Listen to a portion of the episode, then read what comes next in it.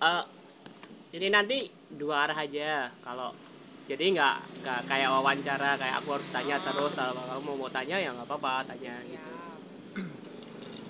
ini eh, aku mau mulai. Kalian sehari ngopi berapa kali sih? Kalau aku kadang-kadang dua kali. Di kafe terus? Di kafe. Terus akhir-akhir ini sih. dua hari dua Iya, kali dua kali. Eh, tergantung kalau perginya dari siang Mm-mm. itu cuman sekali. Sekali. Tapi kalau misalnya dari pagi kita pergi seharian gitu bisa ya dua kali. Itu kewajiban nggak sih ngopi kayak gitu? Enggak sih enggak kewajiban.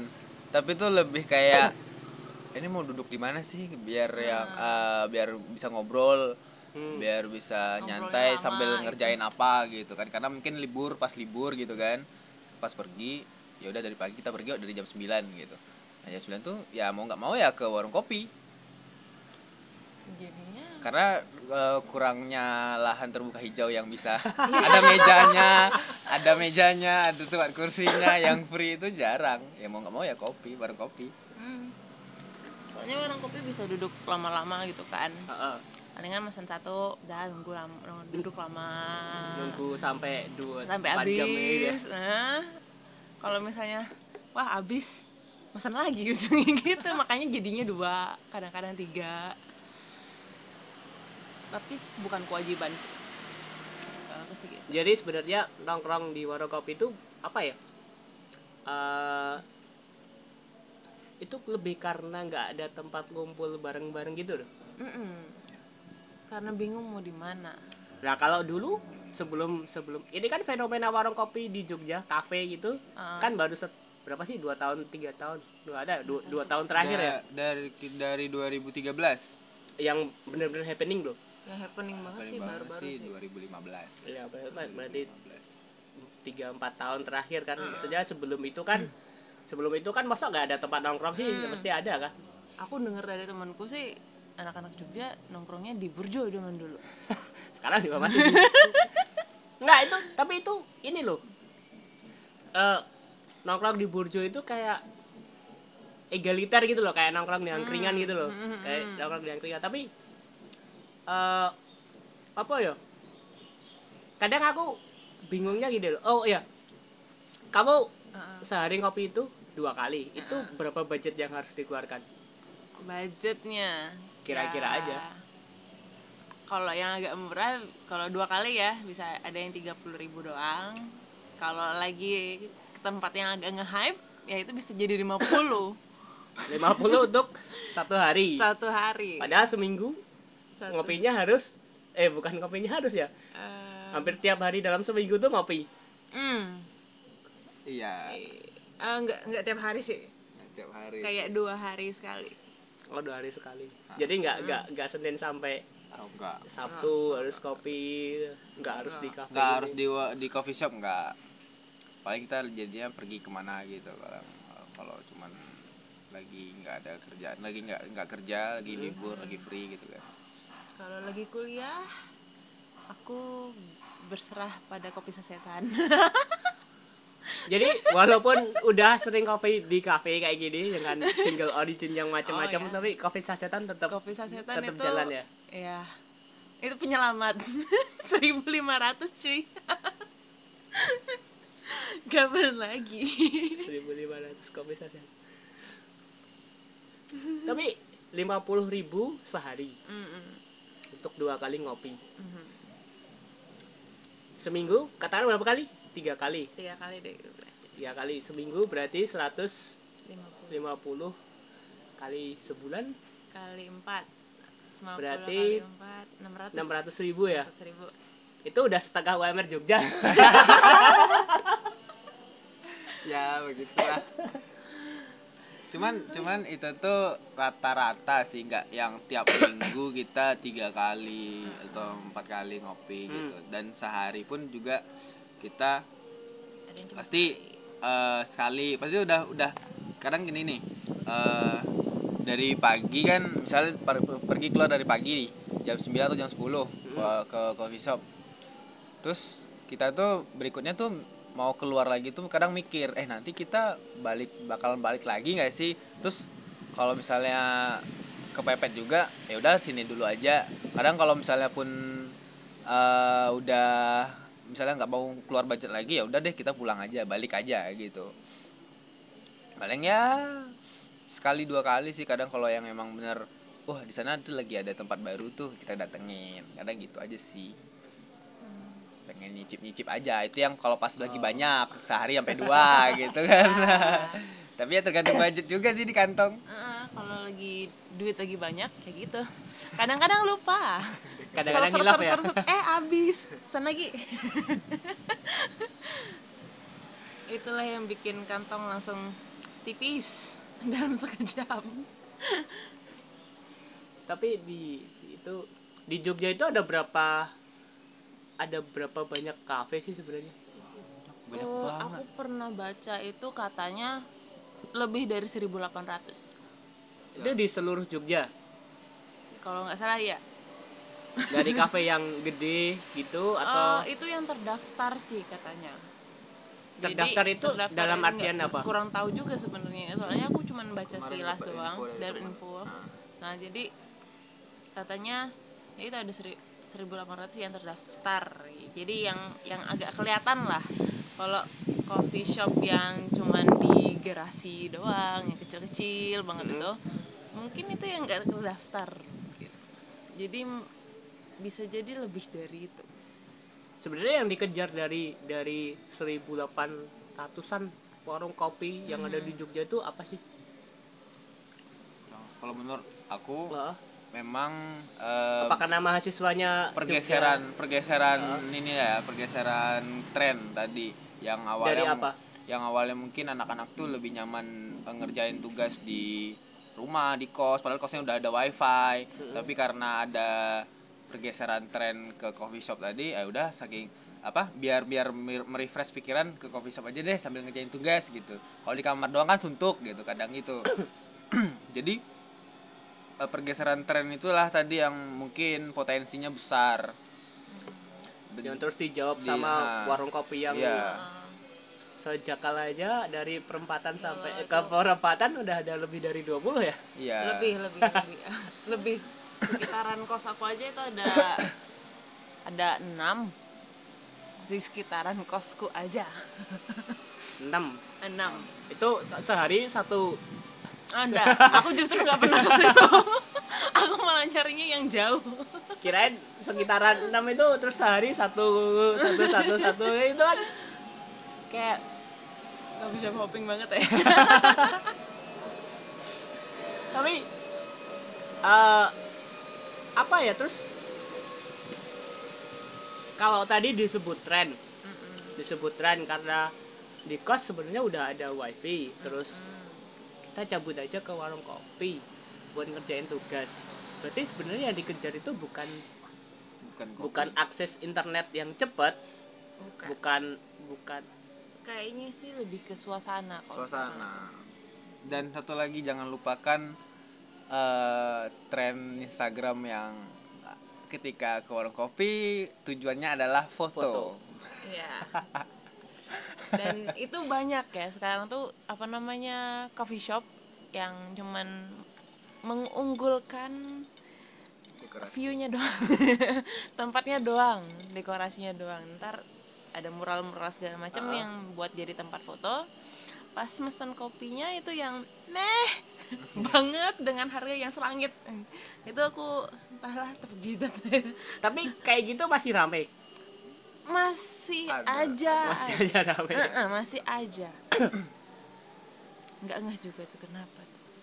Jadi apa tuh sebenarnya yang dipengenin sama sama netizen sekarang ini? Kayak misalnya akses wifi sebenarnya di kos ada.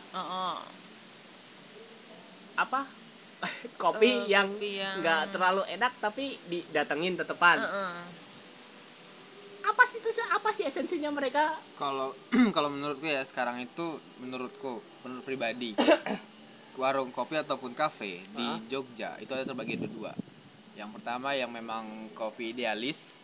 Kopi idealis. Idealis itu seperti mungkin yang memang jualnya single origin aja atau kopi susu spesialis kopi susu aja gitu kan. Mm-mm. Nah, itu menurutku warung kopi idealis yang memang mereka hanya tempatnya kecil dan hanya beberapa orang-orang aja yang mengerti yang datang ke sana. Jadi tidak terlalu mengejar omset yang besar. Dan satu lagi, itu tuh lebih ke warung kopi yang hanya mengandalkan tempat suasana Masih cantik. da, itu dan dan itu yang memang pangsa pasarnya besar jadi yang di guide itu adalah mereka-mereka yang ke warung kopi itu demi eksistensi. Berarti kalau disebut tidak ada pelanggan pelanggan kafe yang setia itu benar dong?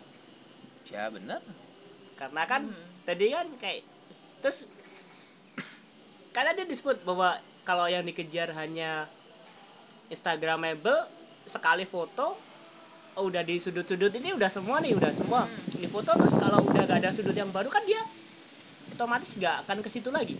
Ya ter- tergantung lagi. Kalau memang misalnya eh, kafe itu buat dia nyaman dari suasana entah itu dia bisa nongkrong di sana sambil ngobrol atau berdiskusi sama temen mungkin dia akan kembali lagi gitu.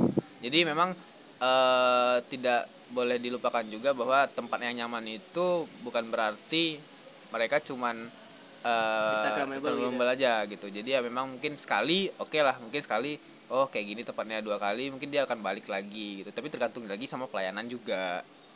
Terus juga menunya juga gitu. Karena beberapa kali kita ke tempat yang bagus menurut kita itu bagus nih tempatnya. Eh, dekorasi coffee shopnya bagus. Suasananya? Suasana dan pelayanannya yang kurang ada. Kurang itu dalam artian apa? Ya mungkin dari baristanya ya eh, dari pelayanan eh, entah barista ataupun kasirnya yang kurang eh, apa ya ramah. kurang lama mungkin Ya, bisa gitu. dikatakan seperti itu terus dari menunya misalnya itu harganya lumayan tinggi tapi rasa yang kita dapetin itu kurang kalau harga lumayan tinggi itu untuk ukuran Jogja sekitaran berapa eh 25 sampai 3 sampai 40 30 eh ya 25 up itu ah, udah tinggi. dua puluh lima ribu ke atas, Ke itu atas udah itu lumayan tinggi. Soalnya banyak masih yang di dua puluh ribuan, di bawah dua puluh ribu itu masih banyak. Makanya itu udah tak patok tinggi itu. Terus kalau masalah yang tadi jadinya orang nggak banyak yang nggak dat- balik lagi gitu kan Iya. ya cuman ngelihat oh di postingan Instagram ini cantik cantik bagus bagus nih baru foto lagi ya apa namanya penduduk Jogja itu banyakan bukan penduduk ya yang ada di Jogja itu kebanyakan mahasiswa iya. kan? Dan itu mahasiswa dia liburan aja warung kopi sepi semua ah itu tapi Loh, iya bener toh. Mereka kan tiap tahun ganti toh. Iya sih. Tiap ga, tiap tahun ada yang baru lagi datang lagi datang situ lagi. Jadi ya tempat-tempat yang bagus bagus di Instagram doang itu ya tetap ada yang tetap eksis jadinya gitu karena ini ya rotasi orangnya ya juga rotasi juga. orangnya minimal 4 tahun sekali. 4 tahun sekali pasti berganti 4 tahun sekali pasti ganti ya tiap tahun ada Walaupun- orang baru. Iya toh tiap tahun ada Ah, orang iya. baru. Iya. Tiap tahun. Tiap tahun kan ada. Kan kalau mahasiswa kan setiap tahun masuknya pasti Iya. baru. Keluarnya kan mah kapan-kapan. Kan gitu tuh lu. belum lagi yang ada yang S2 dan segala macam itu kan per enam bulan. Oh iya S2 kan? per enam bulan ya? Iya Iya. per enam bulan. Jadi rotasinya itu aku nggak tahu sih eh, kafe gitu kan aku sendiri kan kemarin tahun-tahun 2008 2017 18 kan memang keliling nih. Bener-bener keliling bener-bener keliling cari eh, tempat kopi yang asik yang asik yang enak yang suasananya asik ya sekitaran Jakal dari perempatan ke perempatan itu eh, sudah hampir dicoba semua sih. Itu tahun kemarin. Tapi terus kemudian mikir eh, apa ya? Jadi kayak kayak nggak menemukan sesuatu yang membuat aku harus balik ke sana lagi gitu loh. Pernah gak sih nemuin tempat yang yang kayak gitu gitu? Banyak. Banyak. Kalau yang kayak gitu banyak banyak banget malah. Nemuin tempat yang kayaknya kita balik lagi ke sana. Itu, ya biasanya susah. Kak, itu ya, yang susah banget ya, itu eh, biasanya kliknya itu di apa? Kalau dari aku sih ya Hmm. itu eh, suasananya sama Hmm. kopinya. Eh, apa namanya wifi-nya itu nggak terlalu kupikirin. Mm-mm. jadi yang lebih ke suasana sama kopinya kalau misalnya aku mikir aku bakalan balik lagi ke situ buat ngerjain tugas ya itu tempat yang tenang dengan meja yang proper gitu. Dan tetap tapi kopinya warung, itu war- warung kopi yang sih. tenang berarti warung kopi yang sepi. Masalahnya. Nah itu dia. Masalahnya. itu dia. Warung kopi yang tenang warung kopi yang sepi. Iya Iya, dah. iya sih sepi bener. kan juga kasihan kasihan warung kopi kasihan kafenya. Sebenarnya sih itu juga kasihan di situ juga Eh, mungkin sepinya tuh lebih kayak gimana ya? Hmm, musiknya mendukung. Hmm. itu juga tuh. Kan ada beberapa coffee Jadi, shop yang lag, di coffee shop itu harus wajib ada musik pendukungnya? Eh, nggak wajib banget sih. Tapi kalau misalnya dia muter musik Mm-mm. terus musiknya itu malah mengganggu konsentrasi jadinya kan nggak bisa kerja dengan optimal oke terus aku kadang bingung sih eh, apa Eh, tadi disebut ada pergeseran. Aku dulu sih dari dulu memang memang kalau ngerjain tugas gitu waktu kuliah gitu memang nggak bisa sih kalau di tempat ramai gitu. Memang harus di di satu tempat yang ya ya bukan harus sepi sih. Ah, tenang sih sebenarnya lebih tenang lebih tempat tenang tapi kemudian kan makin ke sini kan aku eh, apa ya karena aksesnya makin banyak makin terbuka tempat-tempat kayak gitu ya udah mau nggak mau kan harus menyesuaikan. Jadi sebenarnya ke coffee shop pun seramai apa pun aku masih bisa masih bisa ngerjain ngerjain apa pun yang mau tak kerjain asal asal nggak diajak ngobrol. Iya kadang kadang gitu sih kayak kalau kamu nonton mahasiswa mahasiswa sekarang netizen netizen yang maha baik dan bijaksana itu? Hanya aku aku nge- nge- ngejekin netizen padahal aku harap mereka mendengarkan ini.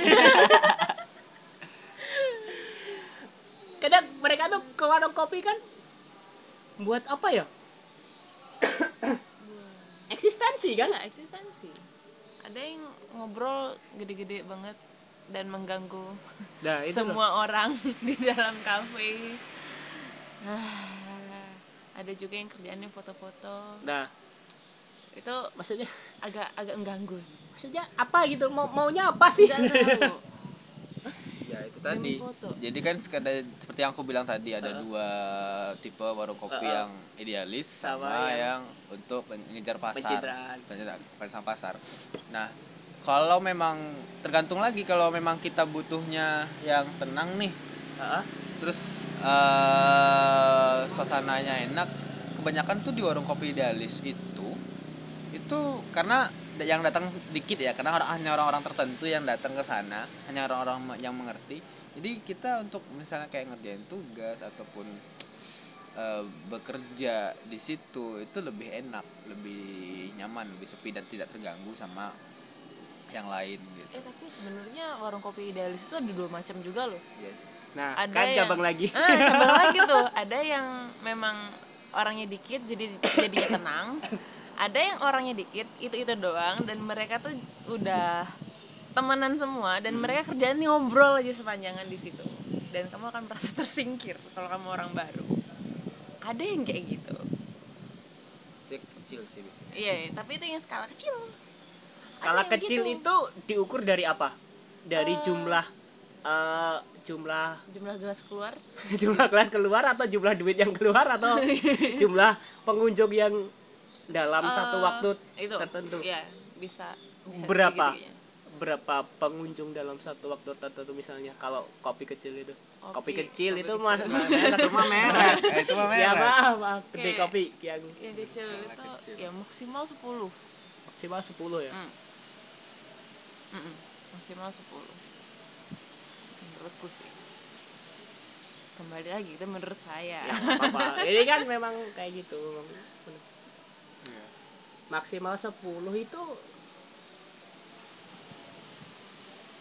kecil juga ya. Maksudnya se bukan sehari 10 bukan. Ah, ya ya maksudnya dalam satu dalam satu berapa jam ya kurun itu cuman itu, ya. beberapa beberapa beberapa orang aja yang 4 datang. 5 jam gitu Ah. ada 10 boleh sebut merek nih nggak apa-apa sebut aja. Kayak kayak kayak kayak di liminal tuh Ah. itu sebenarnya kan itu bukan kedai kopi sih itu itu, itu, ya itu sebenarnya kan dicanangkan untuk menjadi kedai kopi. Dan itu lah, orangnya di situ ya lima. Lima tapi nongkrongnya sampai jam 12 ah, sampai jam 2 pesannya es teh sebelahnya ya. Aku kemarin kayak gitu dulu liminal aja. Habis makan penyetan sebelahnya tapi minum, aku minum es teh aja gak apa-apa ya? Gak apa-apa mas. Santai aja oh, siap. Itu sebenarnya kayak kedai kopi juga. Hmm. Tapi sangat-sangat kecil mikro. Mikro. U- UMKM usaha mikro kecil mikro. Tapi eh, kemudian menurutmu apa yang membuat kedai kopi kecil gitu kayak liminal gitu misalnya dia bisa bisa masih bisa fight gitu ke kedai kopi yang rame dengan gojek-gojek yang ngantri. Kan ada tuh Iya, ada ada kalau kamu ke coffee shop gitu anjing rame banget ternyata hijau-hijau semua itu kan. Aduh gimana ya? Cara mereka kompet ya? Eh, kan nggak mungkin dengan meng- mengandalkan hanya pelanggan yang berapa maksudnya kalau mau berpikiran buruk sih dari liminal itu buka dari jam 11 sampai jam eh dari jam 10 jam berapa sih? Dari jam 11 ya sampai 11 jam 12 nah itu. Tapi 11 kadang-kadang tapi kadang-kadang Jam jam, 4 berapa tutup jam berapa? Maksudnya mereka kan nggak mungkin nggak mungkin ngejar hanya dari pelanggan toh. Mm-mm. nah sedangkan warung-warung kopi yang lain itu kan mesti fightnya kan dari dari jumlah pelanggan dari nah, udah.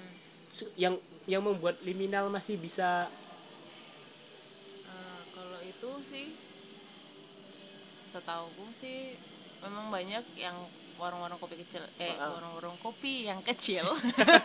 Jadi merek kan itu yang kecil itu mereka jadi roastery juga. Oh roastery. Nah jadi mereka jual beans oh. jadi mereka masih fight di situ. Jadi kalau kamu nggak bisa jual kopi? Jual beans. Jual kopi yang masih mentah. Iya kebanyakan sampingannya gitu eh, setahuku jadi nggak cuman ngandelin pengunjung yang datang ke kafenya Heeh. tapi ya itu sampingannya jual beans kalau enggak eh, supplier alat gitu gitu.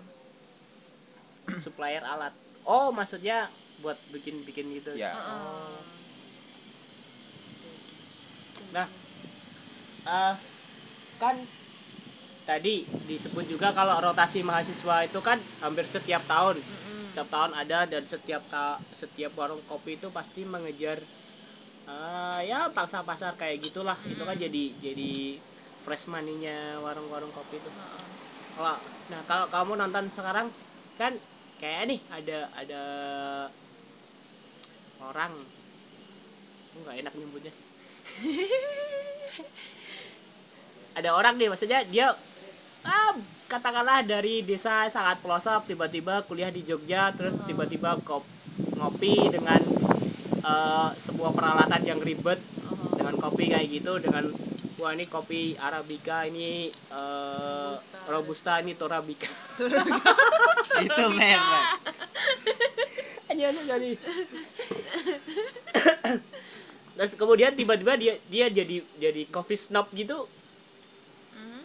kamu ini gak sih? Gatel gak sih pengen nampol atau apa gitu kayak misalnya wah kopi di sana tuh nggak enak nih. Enakan kopi di sana rasanya lebih ini arabikanya lebih jadi- kayak kayak oh pendekar pendekar, Pendekar- itu pendekar gitu. Walah, itu orang-orang paling menyebalkan di dunia. Sungguh itu adalah orang-orang paling menyebalkan di dunia. Tapi kadang-kadang aku jadi agak seperti itu juga sebenarnya.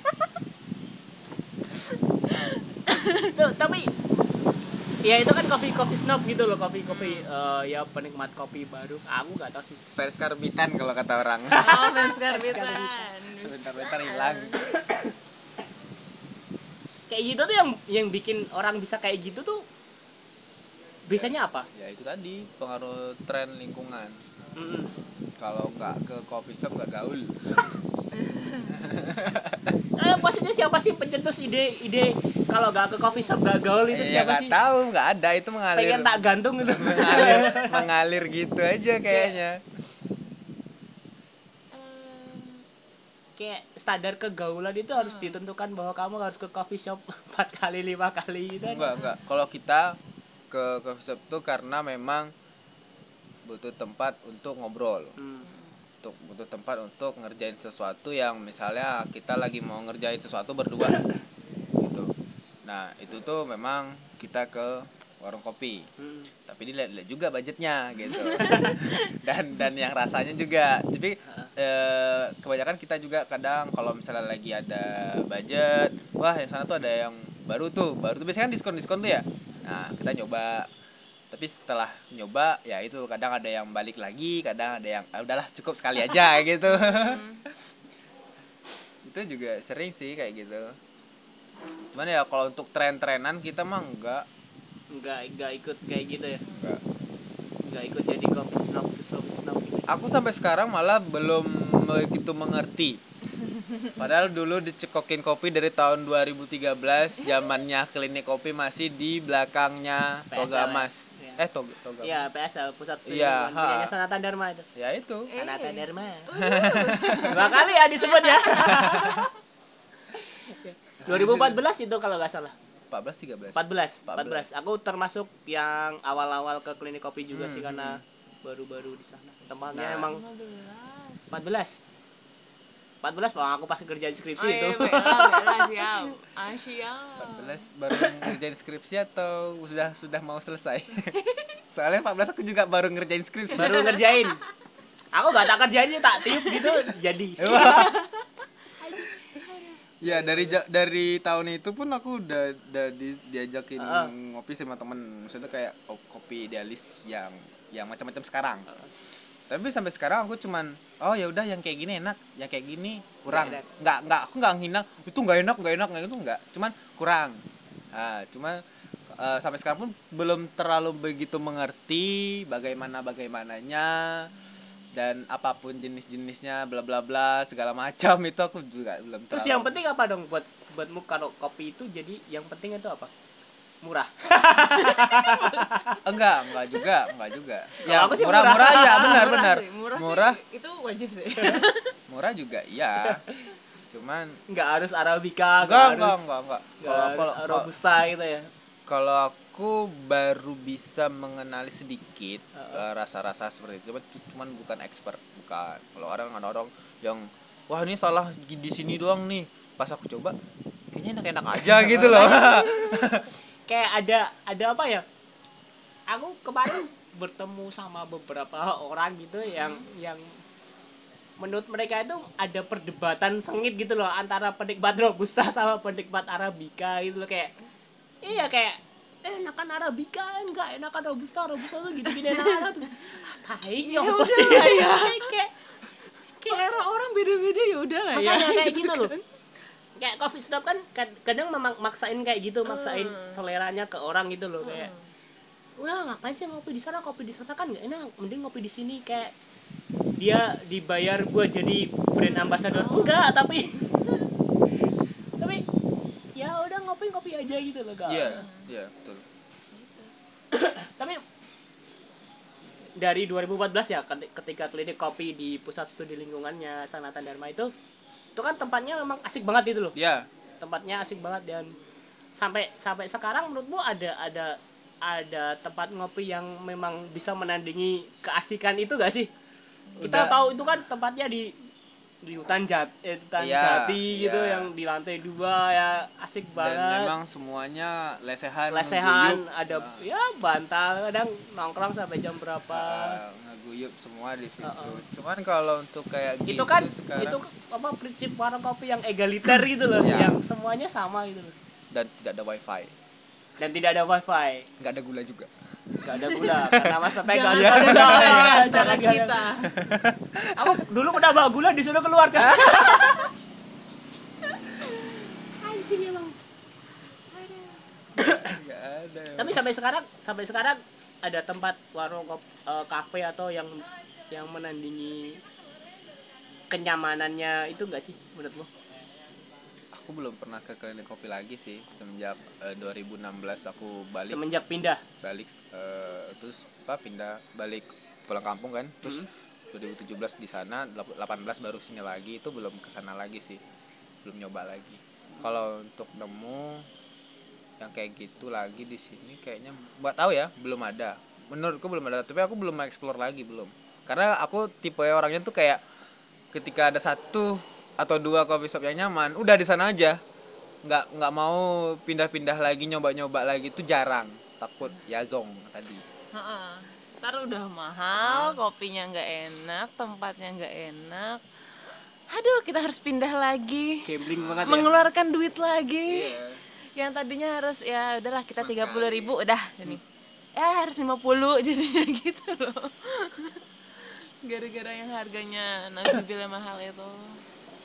Nah tapi menurutku memang memang sampai sekarang belum belum ada sih tempat tempat kopi gitu kafe gitu yang yang menurutku pribadi yang bisa senyaman klinik kopi yang masih di itu sih di belakang tunggal bus itu sih. Wa- walaupun sekarang klinik kopi udah punya tempat sendiri itu menurutku walaupun konsepnya hampir sama ya konsepnya hampir sama tapi menurutku masih lebih enakan di sana. Nggak tahu kenapa mungkin karena ada ikatan sama Sanata Dharma C gitu. Sebut lagi cuy.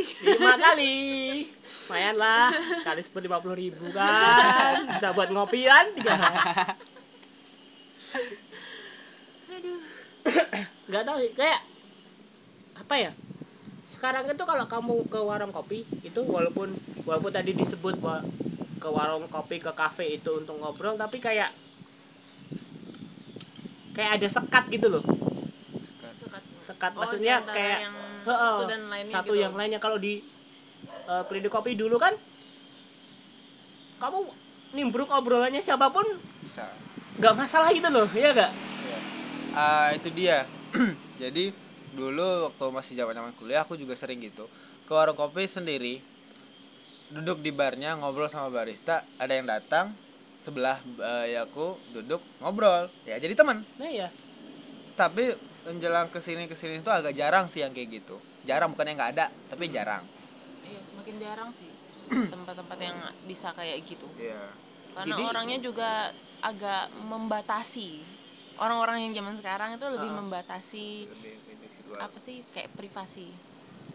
Jadi dia akan datang ke yang maksudnya shop, kalau ngeluarkan kalau handphone langsung ya kita nggak bisa ngajak dia ngobrol. gitu, iya maksudnya kan kalau terus kemudian bahas privasi untuk zaman seterbuka ini juga bullshit juga sih Iya, oh, privasi makanya. apa maksudnya apa sih yang kemudian disebut privasi kalau kamu terus semua hal diumbar di media sosial Ah, so true.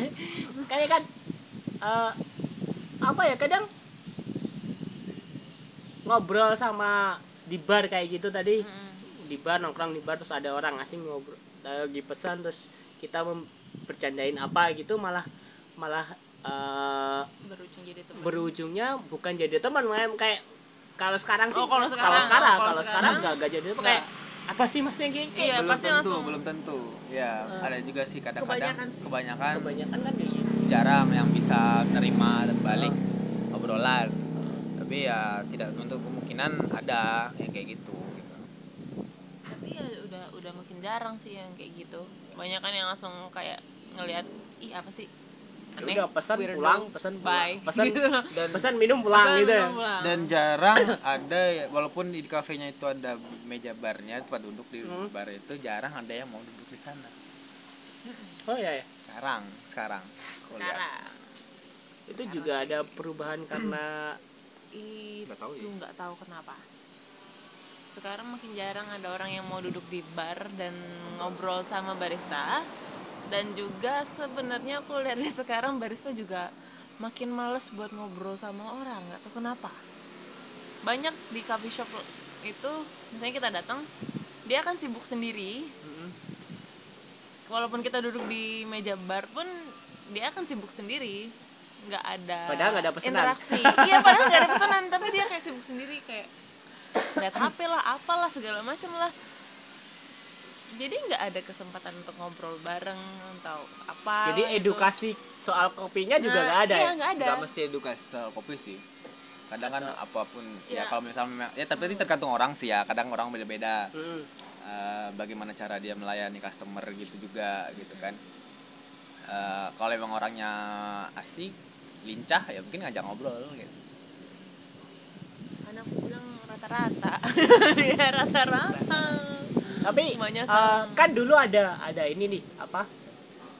Ada stigma kalau barista itu terutama yang cowok nih kan eh, barista bikin kopi, bikin latte art gitu pasti suka blibi-blibi gitu pelanggan-pelanggannya gitu. Berarti sekarang udah sekarang sudah ini ya, ah sudah sangat turun ya pamor ya. Ah, Jadi kayak jadi ya? barista itu jadi kayak apaan sih?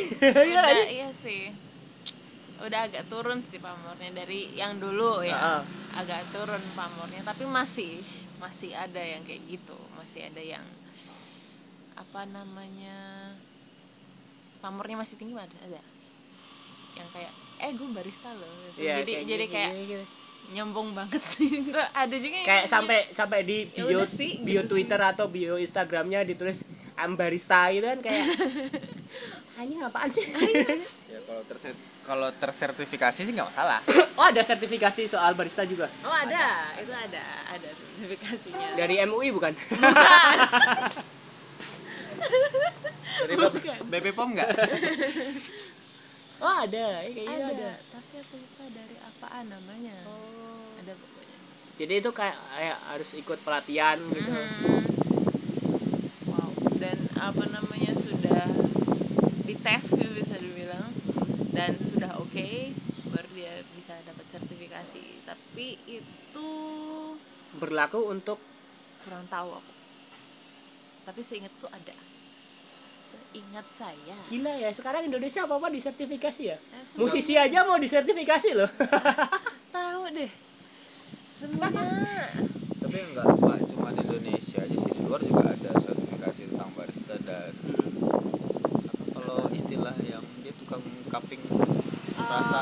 Eh, eh, aku lupa namanya apaan. Kalau tukang cupping memang beda kan sama barista Iya, kan? beda. kayak eh di mana gitu memang ada sekolah buat icip-icip wine gitu kan ada. Ah, memang iya, khusus untuk icipin kayak lidahnya memang di di di Preserve. eh, untuk eh, itu. di dilatih untuk itu. Anjing. Indonesia punya kok cupping eh, yang udah internasional udah udah ibaratnya tak apa kayak sertifikasi internasional. Aku lupa namanya siapa teman dia di Banyuwangi tinggalnya. Hmm. Kemarin tuh ada ya di video YouTube aku lihat tinggal di Banyuwangi ternyata dia seorang apa ya Profesional. apa? Profesional. profesional profesional dia tentang cupping kopi dan itu tingkatnya udah internasional dari Indonesia orang asli Indonesia lupa aku aku kadang masih bingung sih maksudnya kayak gitu terus dia bisa bedain rasa gitu itu kayak gimana sih? Nggak ngerti sih lidahnya gimana. Li- lidah lidahnya pori-porinya ada. Gak ngerti. itu dia yang udah expert banget itu mungkin kan. Kayak misalnya wah ini kan aku nggak tahu sih masa ini minum kopi wah ini pasti ditanam di ketinggian berapa gitu. Eh, nggak tahu gitu juga nggak tahu gitu juga. nggak nggak bisa sampai kayak gitu. Ini dipetiknya di pelintir atau di kan nggak atau di Iya. kayak Aduh, jadi batuk semua. oh sorry ya, aku agak flu dari kemarin. Tapi unik sih ya maksudnya eh kopi itu kan memang benar-benar booming kan eh, berapa sih tiga tiga tahun empat tahun belakangan ini kan? Ah, Iya. Eh, terus eh, apa ya? Kan ada nih alat-alat kopi yang bikin kopinya jadi macam-macam kayak pakai aeropress lah pakai rock espresso lah pakai Vietnam drip lah pakai apalah pakai V60 apalah itu itu kenapa sih ngopi harus seribet itu gitu loh Nah, ibu ini yang jelasin. Wah, waduh, waduh, saya yang jelasin. maksudnya kan kalau dulu ya dulu waktu masih zaman kopi sasetan masih oke gitu kan ngopi kan gak harus ribet loh. Ngaduk pakai bungkus sasetnya aja nggak mau gitu iya gak sih? Iya iya iya. pernah gak pernah gak Enggak sih. Sampai sekarang aku masih. Loh, aku pasti aku dulu loh pakai kayak gitu loh sampai sa- malas ribet gitu loh. Males. malas ribet gitu loh. Kayak kadang walaupun di rumah udah nuang nih udah nuang kopi saset udah dikasih air panas nih. Sendok mana sendok? Ah, udahlah pakai ini aja kan. Pakai bungkusnya aja. Itu moodku dulu tuh udah ngopi gitu loh terus kenapa sekarang harus harus dibikin ribet gitu loh? Ya, gimana ya? Itu untuk orang-orang yang pengen mencari rasa yang lebih aja gitu. Ada yang lebih ke spesifik lebih asam misalnya atau lebih pahit atau segala macem. Lebih ke situ lebih ada yang ada yang bikinnya jadi lebih bold ya yang pasti kalau misalnya karena kayak V60 dan segala macam itu kan disaring ya. Heeh. jadi dia clear nggak pakai ada ampas-ampasan lagi. Gitu. Walaupun sebenarnya kopi itu kalau misalnya kopi hitam balik lagi sebenarnya dia lebih enak kalau ditubruk. Iya tetap cara lama ya. Tetap yang paling enak ditubruk. Kopi angkringan ah tapi ya itu ampasan. Berarti cara-cara yang ribet itu cuma untuk mengeluarkan eh, rasa-rasa ya, yang mengeluarkan rasa-rasa yang ada. Udah tapi memang memang memang akan sejauh apa sih? Sejauh apa sih rasa yang maksudnya Eh, kita udah tahu nih satu kopi Hmm. punya kalau ditanam dekat pohon mangga dia bisa punya aroma, Aroma, wah, eh, kayak gitu. tapi kan paling mentok di situ kan. Aha. Tid- dia tidak bisa tidak bisa eh, punya sesuatu yang lebih Ah. jauh dari itu gitu beda kayak beda kayak kayak teknologi deh teknologi Ah. sekarang kan eh, semua hal bisa semua hal bisa stories gitu loh kayak mau, Ah. mau sejauh apa lagi gitu kan masih bisa diulik lagi gitu loh kalau rasanya kopi kan ya sampai situ doang sih sebenarnya Sampai situ karena doang, ya memang pas apa namanya pembuatan penyeduhan ya Heeh. Itu cuman berapa persen gitu dan itu lumayan kecil sebenarnya. Yang keluar? Efeknya efeknya. Oh, Ta- efeknya. ah, efeknya dari si biji kopi itu. Karena yang paling banyak apa namanya ngambil alih itu kalau dari beansnya dari cara penanamannya gimana. Itu yang akan berpengaruh eh, apa namanya terus cara cara petiknya petiknya kapan dan segala macam itu itu yang sebenarnya lebih berpengaruh ke rasa kopi pas ujungnya jadi bukan Nah. bukan cara cara nyeduhnya yang yang signifikan berpengaruh ya? Bukan tapi memang kalau misalnya ada beberapa apa namanya teknik seduh itu dia lebih mengeluarkan bagian mananya gitu loh. Oh Nah, gitu, ya. Heeh. ada yang ya biasa aja.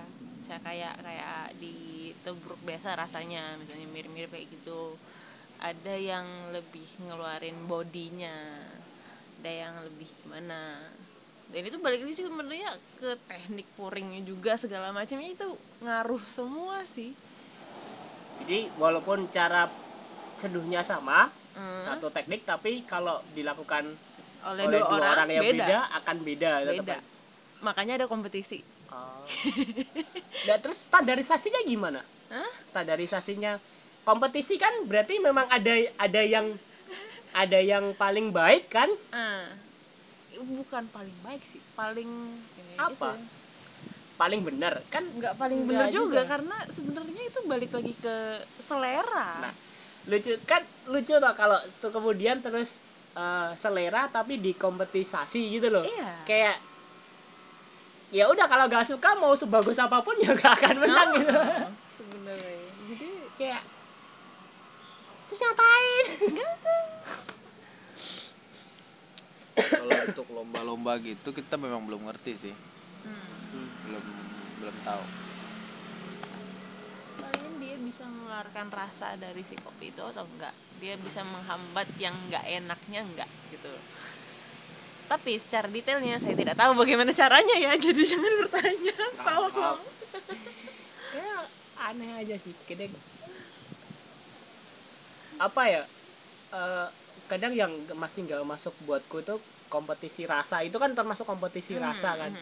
kompetisi ra- rasa. Ya setiap orang kan ya punya rasanya sendiri sendiri itu kan. Jadi kenapa harus ya nggak tahu sih. Sekarang kan semua harus dikompetisasi harus wah, kayak eh butuh pengakuan dari orang Iya. lain loh ini loh aku udah barista yang aku udah udah, udah menang ikut di berapa kompetisi, kompetisi, gitu. terus aku harus kayak eh, apa ya ini Penga- minta pengakuan sih? Sebenarnya itu lebih ke meminta pengakuan. Menurut saya. Mending minta pengakuan apa mending langsung bikin warung kopi kafe? Deh kamu mending bikin warung kopi ya gimana ya? Aneh aja. Aku nggak tahu sih maksudnya kalau ya untuk satu dua hal mungkin kompetisi baik lah ya. Hmm, untuk ya barista paling nggak levelnya harus segini lah. Eh, kompetisinya harus segini. Nah, tapi ya tapi kalau terus kemudian yang dijadi patokan adalah rasa kan setiap orang punya rasanya sendiri sendiri iya, ada rasanya sendiri sendiri Iya, jadi udah 46 menit sih mungkin Eh, gak usah lama-lama sih ya. Udah Ah, mentok nih. udah mentok juga sih. Eh, jadi buat penutup sih mungkin apa yang mau dikatakan buat kopi snob? Eh apa ya? Udah kopi itu semuanya enak. Kalian aja yang so tahu. Ya udah thank you ya thank you thank you